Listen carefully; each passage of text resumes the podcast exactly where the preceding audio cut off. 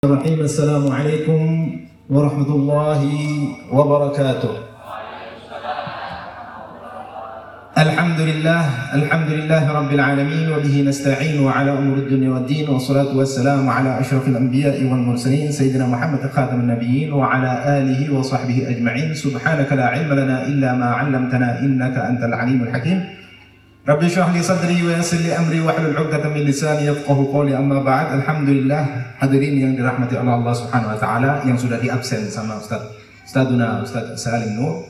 Jadi tak, tak perlu diabsen lagi dan mobil khusus la sahibul bait Jai Haji Abdul Bayazid yang dirahmati Allah, Allah Subhanahu wa taala. Alhamdulillah kita sudah banyak mendapatkan pelajaran dari Ustaz Salim Ustaz uh, Salim Nur pelajaran-pelajaran yang sangat berharga yang bisa kita petik. Jadi Al-Faqih tidak perlu berpanjang-panjang karena waktu sudah malam juga sudah terlalu banyak ilmu yang kita dapatkan. Cuman ada tiga poin yang perlu digarisbawahi dan Al-Faqih tidak panjang-panjang. Yang pertama di pembukaan dia menyebutkan nikmat yang sangat besar, nikmat dijadikannya kita sebagai umatnya bagi dan Nabi Shallallahu Alaihi Wasallam. Nabi Musa, seorang nabi bertitel ulul azmi, meminta nikmat tersebut tidak diberikan oleh Allah Subhanahu wa taala. Kita tanpa meminta, kalau ono sing sing minta ngajuk no CV proposal nang Allah, pingin lahir dari umat kanjeng Nabi. Tapi otomatis lahir dari umat kanjeng Nabi tanpa meminta diberikan. Nabi Musa minta dan dikasih. Tugas kita apa? Bagaimana cara kita mensyukuri nikmat tersebut? Katanya Habib Umar al Pos kok gregetan Nabi umat kanjeng Nabi? Nabi Musa pengen jadi umat kanjeng Nabi.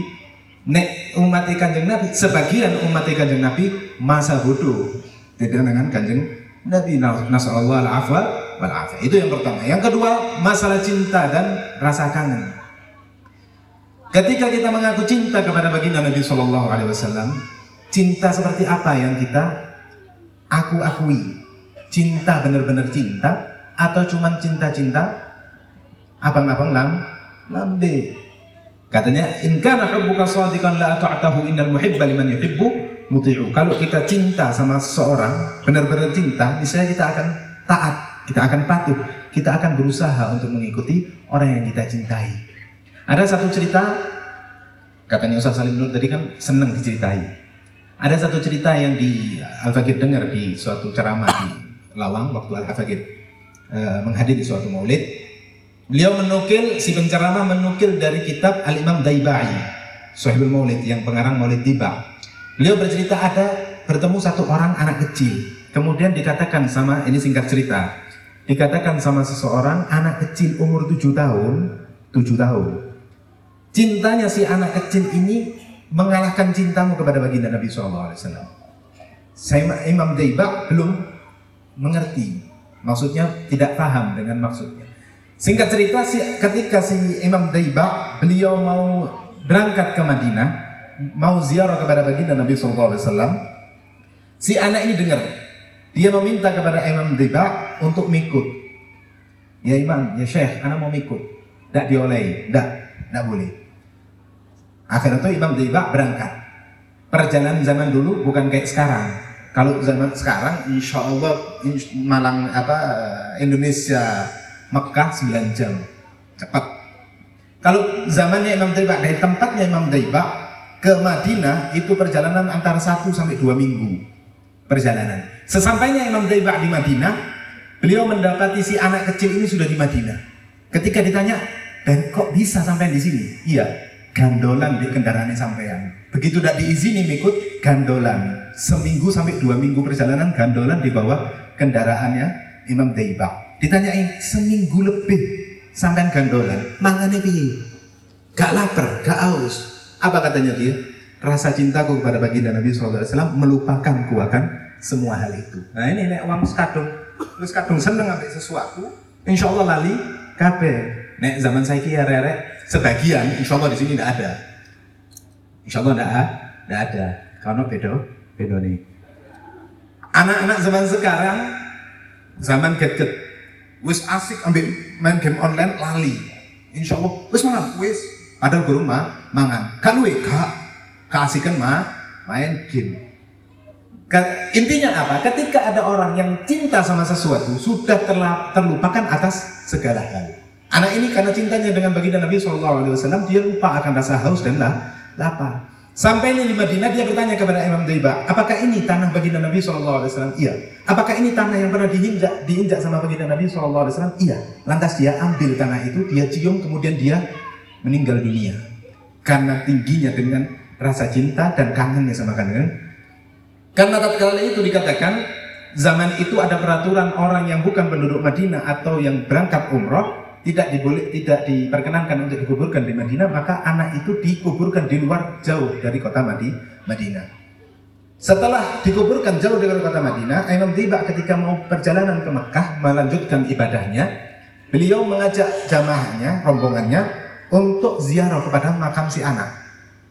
Berangkat sampai di tempat TKP, kuburannya kalau hilang. Mana kuburannya? Di sini. Mana? Tidak ada. Akhirnya itu dikatakan sama satu jamaahnya, mungkin kita ziarah balik ke Madinah. Coba kita balik ke Madinah. Subhanallah, ketika dia balik ke Madinah, kuburan si anak itu pindah ke Madinah secara otomatis berkatnya Allah Subhanahu wa taala. Karena apa? Rasa cintanya dia sampai menimbulkan karamat semeninggal si anak. Itu cinta, karena karena cinta. Cinta sampai menimbulkan rasa kangen kalau kita mengaku cinta kepada baginda Nabi SAW, kangen apa enggak? Padahal Rasulullah kangen sama kita. Di satu riwayat Rasulullah kata, wa syauqah, wa syauqah, alangkah kangennya kata baginda Nabi SAW. Ditanya sama Sayyidina Umar bin Khattab, ilaman? Kesapa sampai kangen? Ila ahbabi, kekasih-kekasihku. Dibilang sama Sayyidina Umar, alasna ahbabak, bukankah kita ini kekasih-kekasih? Tidak, antum ashabi. Kalian ini adalah sahabat-sahabatku. Terus siapa ahbab? Ahbabi man ya'tuna min ba'di wa lam yaroni wa fa'amanu bi. Orang-orang yang datang setelahku tidak pernah melihatku tapi beriman kepadaku. Kita ini dianggap kekasih-kekasihnya baginda Nabi SAW dan Rasulullah kangen sama kita. Tapi sebagian umatnya nggak kangen sama baginda Nabi SAW. Nasallallahu al-afwa wal afiyah. Hadanallah wa. Untuk memupuk rasa cinta kita, katanya pepatah Indonesia tak kenal maka tak sah, sayang. Bagaimana dengan salah satu caranya? Kita mempelajari sejarah baginda Nabi SAW. Ilmu sejarah ini ilmu penting, bukan cuma fikih yang penting, tapi karena orang-orang musuh-musuh Islam menganggap ini ilmu, atau materi yang berbahaya, karena ketika orang Islam mempelajari sejarah, mereka akan bersatu, mereka akan kuat. Makanya di doktrin bagaimana caranya supaya umat Islam ini memahami atau menganggap materi sejarah dianggap gak penting atau ekstra. itu bila. Salah satu ceritanya tadi Al-Fakir lihat bulan. Sekarang malam purna, purnama malam 13. Ayam bir. Ada satu cerita, seorang sahabat kata, katanya Rasulullah kal komar apa di gosida Rasulullah kal komar kal komar ibarat bulan dan lain sebagainya. Ada satu sahabat pada malam bulan purnama, beliau melihat bulan sekarang purnama, sing di isor dak ketok. Bulan purnama lihat bulan purnama, terus lihat kanjeng Nabi, lihat bulan purnama lihat kanjeng Nabi. Katanya katanya si sahabat ini, wallahi innahu lahuwa indi abwa minal qamar. Bagiku, bagi Nabi SAW lebih bercahaya daripada rembulan, lebih indah daripada rembu. Poin yang ketiga yang terakhir, ada suatu faedah yang dinukil oleh uh, Suhaibul I'ana di kitab I'ana Talibin, masalah mengenai memperingati maulid bagi Nabi SAW.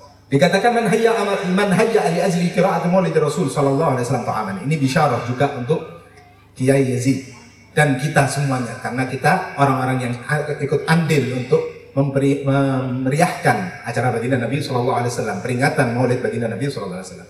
Man hayya ali ajli qira'at maulid Rasul sallallahu alaihi wasallam ta'aman. Barang siapa yang menyiapkan untuk memperingati acara acara maulid baginda Nabi sallallahu alaihi wasallam ta'am, menyiapkan makanan, Wajah ikhwanan dan mengumpulkan ikhwan gak perlu akeh-akeh. Insya Allah nek kita bojo ambil anak misalnya itu sudah dikategorikan jamaah ikhwanan, mengumpulkan dulur-dulur, mengumpulkan orang-orang.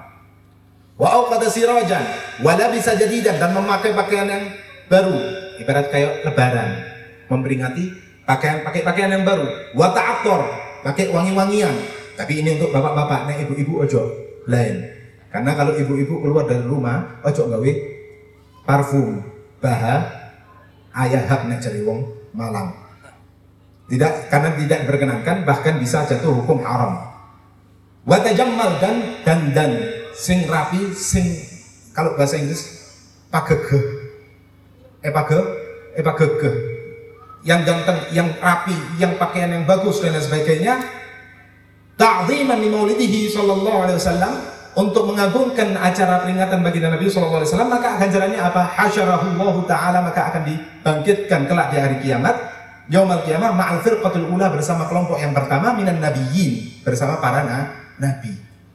Dikumpulkan nanti di akhirat bersama para nabi wa kana fi a'lan iliyyin. Maka dikumpulkan di perangkat atau tingkat yang paling tinggi. Itu atau Imam Yafi'i juga mengatakan yang serupa menjama'ani maulidin Nabi sallallahu alaihi wasallam ikhwanan wa hayya ta'aman wa akhla makanan dan menyiapkan tempat wa amila ihsanan wa sara sababan dan menjadi sebab dia menjadi sebab di qiraati maulid Rasul untuk dibacakan maulidnya bagi Nabi SAW ba'athahullah maka akan diutus oleh Allah Subhanahu wa taala yaumul qiyamah pada hari kiamat ma'asiddiqin wa syuhada wa salihin bersama para syahid, para orang soleh wa yakunu fi jannatin na'im.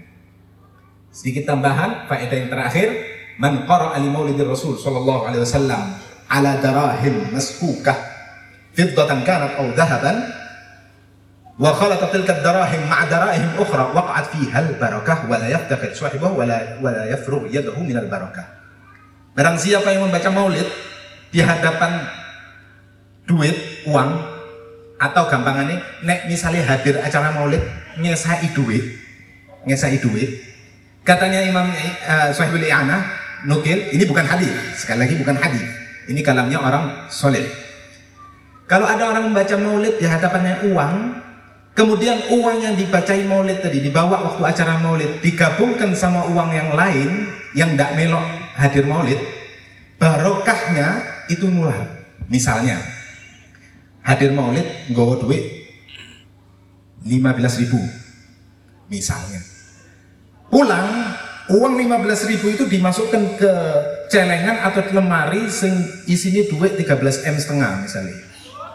Misalnya. Amin. Gak gelem.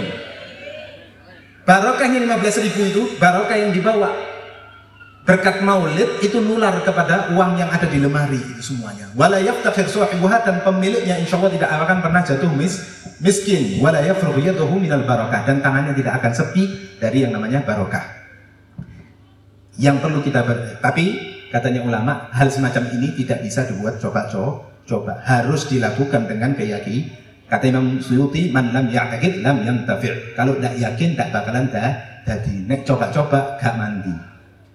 Pertanyaannya, kalau ini benda mati, benda padat, bisa men, bisa tercemar atau ter terselimuti uh, dengan barokah acara maulid, bagaimana dengan makhluk hidup?